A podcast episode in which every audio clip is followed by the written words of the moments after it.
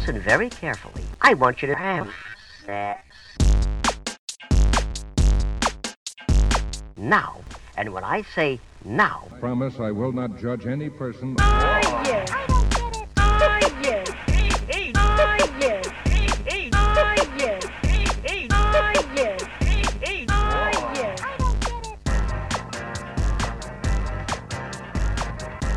Cześć, z tej strony Nat, czyli Twoja zaufana sekspertka, a to jest Nat i Seks. Podcast o tym, że życie jest zbyt krótkie na kiepski seks. Odcinek szósty, ten jeden raz, kiedy udawałam orgazm. Hej, hej! Cieszę się, że znów mogę gościć w Twoich dziurkach usznych i mam nadzieję, że dzisiejszy podcast, który będzie dotyczył tematu udawania orgazmów, przypadnie Ci do gustu. Dlatego, że dziś chciałabym opowiedzieć Ci historię tego, jak jeden, jedyny raz w życiu udawałam orgazm. I przysięgam Ci z ręką na sercu, że przedtem ani potem, w czasie żadnego seksu partnerowanego, nie zdarzyło mi się udawać orgazmu. Dlaczego? Dlatego, że któregoś pięknego dnia wyrobiłam sobie takie przekonanie, i to było jeszcze zanim zaczęłam uprawiać seks partnerowany, że udawanie orgazmów jest antyfeministyczne. Że robiąc to podczas seksu partnerowanego, to było jeszcze w czasach, kiedy wydawało mi się, że jestem wyłącznie heteroseksualna, że będę wyświadczać innym kobietom naprawdę niedźwiedzią przysługę. Siostrzaństwo. Chyba to powodowało moją decyzję. Takie poczucie, że mogę udawaniem orgazmu zrobić komuś krzywdę. Ale zastanówmy się, czym tak naprawdę jest udawanie orgazmu. No jak to? Możesz puknąć się w głowę i powiedzieć, hej Nat, no jak to czym? No udawaniem. No właśnie, udawanie orgazmu według mnie ma takie dwa wymiary. Czyli to udawanie orgazmu podczas aktu, na przykład wydawanie z siebie dźwięków, jęków, westchnień, czy po prostu deklaracji, że dochodzę, dochodzę w momencie, kiedy ten akt seksualny się odbywa, albo udawanie już po, czyli kiedy rozmawiam z drugą osobą, z moją osobą partnerską, i ona pyta mnie, czy doświadczyłam orgazmu, to ja wtedy niezgodnie z prawdą odpowiadam, że no przecież tak, było wspaniale. I to są dla mnie takie dwa wymiary udawania orgazmu. Chciałabym podkreślić, że ten podcast nagrywam z perspektywy cis kobiety. Jestem cis kobietą, mam pochwę, mam wulwę, mam łechtaczkę i to jest mój osprzęt, z którym przychodzę i pojawiam się w seksie, dlatego będę mówiła właśnie z tej, z tej perspektywy. Dlatego, że to, co mam między nogami, wbrew pozorom, bardzo dużo determinuje, jeżeli chodzi o udawanie orgazmów. Dlatego, że okazuje się, że to my, kobiety, udajemy orgazmy znacznie częściej. Oczywiście mężczyźni, cis mężczyźni, też mają ze sobą takie e, przygody, natomiast jeżeli chodzi o, sta- o statystyki, to jednak kobiety wciąż robią to dużo, dużo częściej. Kiedy pyta się, dlaczego kobiety udają orgazmy, jednym z najczęstszych powodów podawane jest to, że nie chciały urazić, sprawić przykrości drugiej osobie. Uff. I to jest dla mnie zawsze bardzo trudne do przyjęcia. Dlatego, że wtedy zastanawiam się, kto do cholery ma tak kruche ego, żeby brak czyjegoś orgazmu podczas seksu miał sprawić mu przykrość albo być jakąś nieprzyjemnością. Dlaczego nie wykorzystujemy braku orgazmu do tego, aby coś zmienić w naszym życiu seksualnym, aby zmienić podejście do naszego seksu? Ale o tym zaraz. Wróćmy do powodów, dla których ludzie udają orgazm, dla których kobiety udają orgazm. Kolejnym bardzo częstym powodem jest to, że kobiety chcą, żeby ten seks szybciej się skończył. No bo on trwa i trwa i, i nic się nie dzieje, przyjemność nie rośnie, a jednak no, wolałyby się na przykład wyspać albo pójść do domu, więc wydaje im się, że właśnie wokalizacja czy udawanie orgazmu przyspieszy moment zakończenia całego aktu. Czyli na przykład, jeżeli jest to seks uprawiany z mężczyzną, mężczyzna doświadczy orgazmu i daje jej wreszcie spokój. Kolejny argument, z którym z jednej strony trudno się kłócić, ale z drugiej, no zdarzają się, słyszałam naprawdę o takich sytuacjach, w których ktoś nalegał podczas seksu, w których mężczyzna nalegał podczas seksu, że on nie skończy, że będzie pompował, będzie penetrował, dopóki partnerka nie doświadczy orgazmu. I to jest według mnie okropne, dlatego że no, no co ma taka biedna partnerka zrobić? We, według mnie w, tym, w tej deklaracji jest jakaś taka manipulacja, żeby nie powiedzieć element przemocowy, że nie będę, nie skończę, ten akt się nie skończy, dopóki ty nie udowodnisz mi, że masz orgazm, dopóki moje działania nie przyniosą jakiegoś skutku. Czy tak się buduje satysfakcjonujące życie seksualne? Według mnie nie. Kolejny dosyć przykry dla mnie powód, mianowicie to, że niektórym kobietom wydaje się, że, za, że dojście do orgazmu zajmuje im zbyt długo, że zajmują za dużo czasu w seksie, który uprawiają. Dlatego no, orgazm udawany jest wtedy takim wentylem bezpieczeństwa, dla świętego spokoju, żeby ta druga osoba nie pomyślała, że my mamy jakieś trudności z orgazmem, że coś jest z nami nie tak, bo potrzebujemy na przykład pieszczot łechtaczki, które trwają 20 minut. Najlepiej bez przerwy. I jako kobiety chyba mamy taką tendencję do tego, żeby w ogóle nie zajmować zbyt dużo przestrzeni, nie tylko właśnie w seksie, ale też w w miejscach publicznych, w przestrzeniach publicznych. I myślę, że czas to zmienić. Kolejną rzeczą, która wiąże się z problemem udawania orgazmów, jest to, że na którymś etapie życia wmówiono nam, że kobiecy orgazm jest trudny. Kobiecy orgazm nie jest trudny i nie jest skomplikowany. Po prostu my zaczęliśmy się zabierać do niego od dupy strony. Okazuje się, że większość kobiet potrzebuje stymulacji łechtaczki, dosyć precyzyjnej stymulacji łechtaczki, aby doświadczyć orgazmu. A jak przez lata promowaliśmy wygląd seksu? Że musi być seks w pochwie, musi być penetracja, musi coś wchodzić do naszego ciała i my mamy nauczyć się czerpać z tego przyjemność. Powstała przecież cała hierarchia orgazmów, mówiąca, że orgazm pochwowy to jest ten najwyższy, najdojrzalszy i z łechtaczką to to się bawią małe dziewczynki. Cholera jasna. Zrobiło to nam taką ogromną, niedźwiedzią przysługę, że, nie, że do dziś ja spędzam czas odkręcając ten głupi, głupi mit z wieloma osobami, którym wydaje się, że orgazm pochwowy to jest jakiś święty gral ich seksualności i że muszą go doświadczyć, bo inaczej ich życie seksualne będzie niekompletne. A wtedy mówię im, że halo, Jedna z jest taka, że orgazm odczuwany w pochwie to tak naprawdę orgazm wynikający ze stymulacji łechtaczki od wewnątrz. I że nie w każdej sytuacji ona się ułoży tak, albo nie w każdej anatomii jest ona ułożona tak, aby tego doświadczyć. I co wtedy? No bardzo dużo osób się ze mną nie zgadza, bo oczywiście neguje jakieś ich doświadczenie, e, neguje to, czego one by chciały doświadczyć w swojej seksualności e, i wtedy ludzie się obrażają i zaczynają szukać porad tam, gdzie no znajdą trochę mniej seks pozytywne podejście. Ale będą nakładać na siebie presję, aby doświadczyć tego orgazmu pochwowego, bo, bo muszą. Kiedy jeszcze zdarzają się udawane orgazmy? No na przykład wtedy, kiedy uprawiamy seks z nową osobą. Bo jak zazwyczaj wygląda seks z nowo poznaną osobą? Jest to raczej znana choreografia seksualna, czyli duży cudzysłów, gra wstępna, czyli jakieś krótkie pieszczoty, akt główny, czyli penetracja i akt końcowy, czyli ktoś doszedł, a ktoś nie, albo ktoś udał orgazm, albo nie. W takich sytuacjach mamy tendencję do tego, żeby po prostu uciec do tej znanej choreografii seksualnej, która, jak już wspomniałam, łechtaczce nie służy, bo jest ona podczas niej pomijana. I też jakby nowość tej sytuacji niekoniecznie daje nam taką przestrzeń emocjonalno-umysłową, mm, aby doświadczyć orgazmu właśnie z tą nową osobą. Nie jest to reguła, ale jest to jedna z możliwych sytuacji, dla, dla których udajemy orgazm, bo nie jesteśmy w stanie doświadczyć go z nową osobą partnerską. A wreszcie udajemy orgazm dlatego, że wydaje nam się, że orgazm to obowiązek. No bo jak to tak? Bez orgazmu się nie liczy, prawda? Filmy, nie tylko mam na myśli filmy pornograficzne, ale też filmy kino rozrywkowe, wzbudziły w nas takie przekonanie, że dobry, satysfakcjonujący, przyjemny seks musi zakończyć się orgazmem. Z tego powodu bardzo wiele osób nie chce przyjąć do wiadomości tego, że druga osoba, i to już niezależnie od płci, nie była w stanie z nimi szczytować. Bo orgazm przecież musi być. To jest jedyne potwierdzenie, że komuś było dobrze. Oczywiście, że nie. Bo przyjemności można doświadczać nie doświadczając orgazmu.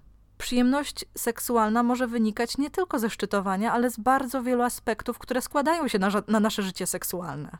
Tylko właśnie, ten och, ach, jęk, szczytowanie zaczęło być jakąś taką złotą gwiazdką za seksualny wysiłek, którą lubimy sobie przypiąć do klapy po zakończonym akcie seksualnym. Myślę, że powodów, dla których ludzie udają orgazm, mogłabym wymieniać jeszcze bardzo dużo. Dlatego, że za każdą osobą, która dzieliła się ze mną swoją historią udawanych orgazmów, kryje się naprawdę bardzo dużo różnych motywacji i tego, co nimi kierowało. Jasne, każda sytuacja jest, in, jest inna, ale starałam się przytoczyć te najczęściej podawane powody. Zastanówmy się więc, dlaczego nie warto udawać orgazmów. Przede wszystkim dlatego, że udawanie jest po prostu kłamstwem. Jest to oszukiwanie drugiej osoby, mówię, utwierdzanie jej w przekonaniu, że wszystko jest ok, wszystko co robi jest fantastyczne, kiedy tak naprawdę nie jest i my tego nie czujemy. I kiedy przez dłuższy czas udajemy orgazm i ta osoba nie zmienia żadnej techniki stymulacji, bardzo trudno jest się z tego wymiksować. To po pierwsze. A po drugie, ona żyje i utwierdza się w przekonaniu, że wszystko działa.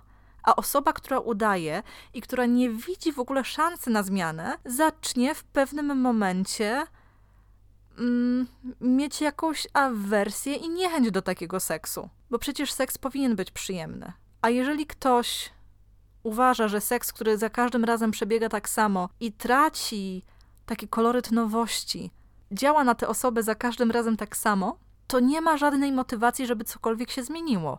Przyznam szczerze, że kiedy udawało się orgazm miesiącami, jak nie latami, to jest to sytuacja, z której bardzo trudno się wymiksować. Dlatego, że wydaje mi się, że sama nie przyjęłabym dobrze sytuacji, w której ktoś powiedziałby mi, że przez poprzednie e, lata związku cały czas udawał orgazmy, dlatego że nie chciał sprawić mi przykrości. Zastanowiłabym się te, wtedy, dlaczego ta osoba nie ufa mi i co ona sobie o mnie myśli, że czuła potrzebę udawania zamiast porozmawiania ze mną o tym, co moglibyśmy, mogłybyśmy zmienić w naszym życiu seksualnym. Dlaczego zabrała sobie możliwość doświadczenia naprawdę fajnej przyjemności tylko dlatego, że myślała, że ja w jakiś sposób źle na to zareaguję? Jasne. Powiedzenie co sprawia mi przyjemność, bywa dla niektórych osób trudne. Dlatego, że niektóre osoby czasem nie mają pojęcia, co tak naprawdę sprawia im przyjemność, co prowadzi je do orgazmu. Jedne nie pozwalają sobie na eksplorowanie swojego ciała, dlatego że przez dłuższy czas straszono je seksem, straszono je ich własną seksualnością i w jakiś sposób zamknęły się na tę sferę swojego życia. Uznawały, że to jest niepotrzebne, że to jest coś, co trzeba zarezerwować wyłącznie dla seksu partnerowanego. Dla innych problemem jest po prostu wyrażenie, ubranie tego w słowa czy pokazanie tego, co sprawia im przyjemność. Dlaczego? Dlatego, że czasami no, nie jest to tak estetyczne, jak sobie wyobrażamy y, na podstawie tego, co widzimy w filmach pornograficznych. Bo estetyzacja seksu w naszej kulturze jest ogromna, a przyjemność i estetyka niekoniecznie idą ze sobą w parze. Dlatego, że to, co jest piękne, co fajnie wygląda na ekranie, co ładnie wygląda na fotografii, niekoniecznie jest wygodne. Granie w filmach porno jest bardzo niewygodne. Dlatego, żeby coś ładnie wyglądało w kadrze, no trzeba ułożyć ciało w różne pozycje, które niekoniecznie są dla nas naturalne i spinają nam mięśnie tak, że nie jesteśmy w stanie doświadczyć, doświadczyć w nich orgazmu. Tak to po prostu jest, to jest pewna fantazja. Dlatego, kiedy zaczynamy dostrzegać, że nasze życie erotyczne, nasze życie seksualne, to codzienne, odbiega od tego pięknego obrazu, od tego przestetyzowanego obrazu, zaczynamy się zastanawiać, czy coś jest z nami nie tak. Kiedy korzystałam z aplikacji OMGS, możesz przeczytać o niej na moim blogu, jeden z niedawnych rozdziałów, jedna z może raczej sekcji, była poświęcona właśnie estetyzacji doświadczenia przyjemności. OMGS to taki projekt, w którym kobiety opowiadają o tym, jak doświadczają orgazmu, jakich używają technik, co sprawia, że są w stanie szczytować. I opowiadają o tym zarówno z perspektywy soloseksualnej, jak i z perspektywy seksu partnerowanego. Jest to naprawdę świetne narzędzie edukacyjne, dlatego jeżeli masz taką możliwość, zapoznaj się z nim, bo ono naprawdę potrafi nieźle zrewolucjonizować doświadczenie orgazmów. Ale wracając do, samego, do samej sekcji. Jedna z kobiet powiedziała coś takiego: o swojej technice masturbacji, że jest ona pierwotna, instynktowna. I powiem ci od razu, nie była to technika piękna.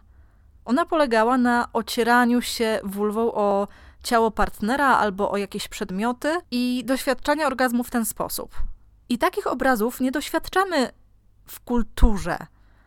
Nie widzimy osoby ocierającej się w dzikim szale o przedmiot, o nogę stołu, o kant łóżka, po to, żeby doświadczyć orgazmu, bo to doświadczenie, to działanie nie jest ładne, ale sprawia przyjemność. I kiedy zaczynamy myśleć o seksie jako o czymś, co powinno ładnie wyglądać, co powinno być wizualnie, węchowo, smakowo i jak jeszcze zadowalające wyłącznie dla drugiej osoby, zapominamy tak naprawdę o sobie.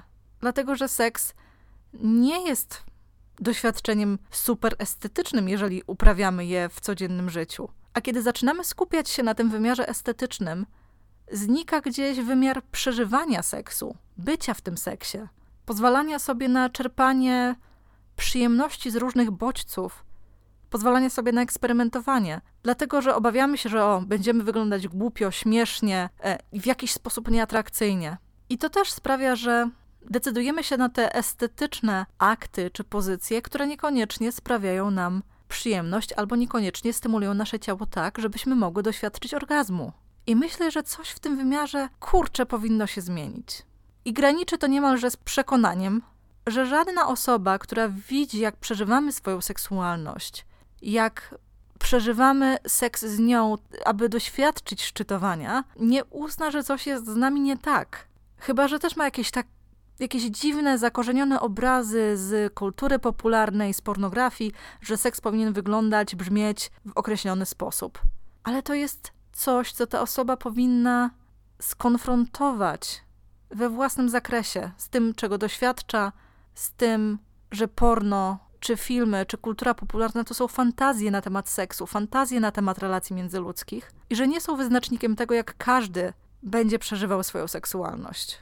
Udawanie orgazmu sprawia, że druga osoba nabiera przekonania, że jej kiepska technika stymulowania Twojego ciała działa. I później naprawdę trudno, trudno jest to odkręcić. Dlatego, że nie dajemy sobie wówczas przestrzeni na eksplorowanie, na zabawy z drugą osobą, na to, żeby cieszyć się przyjemnością na różne kreatywne, niekoniecznie mainstreamowe i, jak wspomniałam wcześniej, estetyczne sposoby.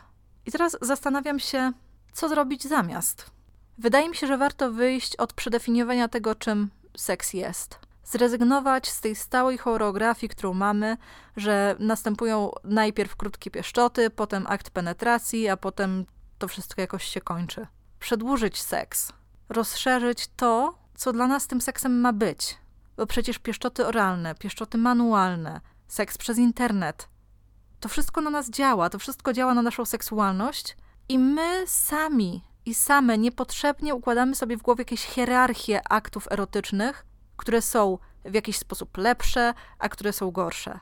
Myślę, że dużo lepiej, zamiast układać jakieś głupie, niepotrzebne, hierarchiczne podziały, jest czerpać ze swojego życia seksualnego w pełni podchodzić do niego z zaciekawieniem, podchodzić do ciała drugiej osoby z zaciekawieniem, badać, sprawdzać, inspirować się różnymi rzeczami, erotyką, sztuką, czymkolwiek, no nawet filmami. Przecież pornografia to nie tylko mainstream, ale też produkcje indie, które bardzo często mogą służyć jako, jako inspiracja do tego, co będziemy próbowali i próbowały przenieść do naszego życia seksualnego. Dlatego nie zamykajmy się w tych podziałach, które naprawdę ograniczają nasze doświadczenie przyjemności. Ale miałam opowiedzieć o tym jednym razie, kiedy udawałam orgazm. I dziś, kiedy o tym myślę, to sama się do siebie uśmiecham. Dlatego, że to był rok, kiedy funkcjonowałam w relacji na odległość i moje życie seksualne mogło być realizowane bardzo rzadko, jeżeli chodzi o kontakt osobisty, albo właśnie zapośredniczane przez internet. Czyli tutaj mówimy o sextingu, o sekstelefonie, o wideokonferencji. I jeden, jeden raz, kiedy zdarzyło mi się udawać orgazm, było podczas właśnie rozmowy przez kamerkę wideo. Rozmowy. tak, nazwijmy to rozmową. To była po prostu wspólny akt masturbacji przez kamerki internetowe. I wtedy nie podeszłam do tego jako do doświadczenia, dlatego że jakby samo to doświadczenie mnie nie kręciło. Bardziej byłam ciekawa tego wymiaru występu, który chciałam zaproponować mojemu partnerowi. I ten udawany orgazm był po prostu elementem pewnej inscenizacji, pewnej scenki, którą przygotowałam specjalnie dla niego. Coś w, takiej, coś w rodzaju jego własnej cam girl. Jasne, odniosło to pożądany skutek. On był zachwycony, jemu to się podobało, ja miałam na swoim koncie nowe doświadczenie, ale raczej bym już tego nie powtórzyła. Bo po co? Naprawdę z łatwością przychodzi mi powiedzenie, że dziś nie doświadczę orgazmu. Z łatwością przychodzi mi wycofanie się z aktu, w którym na przykład nie jestem w stanie być tu i teraz. Mam na swoim blogu wpis o tym, jak skupić się podczas seksu, dlatego że sama czasami doświadczam tego, że nie jestem w tej przestrzeni, w której powinnam być, abym chciała. Bardzo dużo tego, co robię i o czym piszę, buduję na własnych doświadczeniach. Dzielę się z Tobą historiami, i tutaj mówię o blogu, tego jak planuję seks, czy nieudanych eksperymentów, jak w jednym z poprzednich odcinków podcastu. Dlatego, że wydaje mi się, że im więcej opowiadamy o tych nieoczywistych, dla niektórych osób trudnych aspektach naszego życia seksualnego, tym większe budujemy zrozumienie i takie poczucie, że cholera, ktoś może mieć taką sytuację jak ja. I to, że zajmuję się seksualnością człowieka od tylu lat, wcale nie zwalnia mnie od jakichś takich totalnie codziennych, przyziemnych, bardzo ludzkich problemów czy trudności, jeżeli chodzi o życie seksualne. Warto pochylać się nad swoimi problemami i nad nimi pracować i przede wszystkim rozmawiać o seksie i seksualności i tym, co się dzieje. Dlatego, że kiedy decydujemy się na kontakt z drugą osobą, zaczyna nam być ze swoją seksualnością po prostu łatwiej. Mam nadzieję, że jesteś w takiej sytuacji, że nie musisz udawać orgazmów. Albo mam nadzieję, że przestaniesz, że masz takie postanowienie, że nie będziesz już tego robić. Dlaczego? Dlatego, że według mnie udawanie orgazmów to krótkoterminowe rozwiązanie dla odwiecznego problemu. Do usłyszenia następnym razem.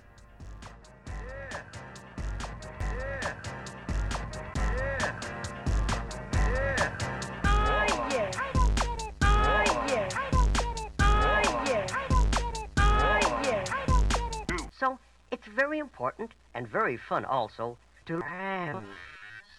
Now,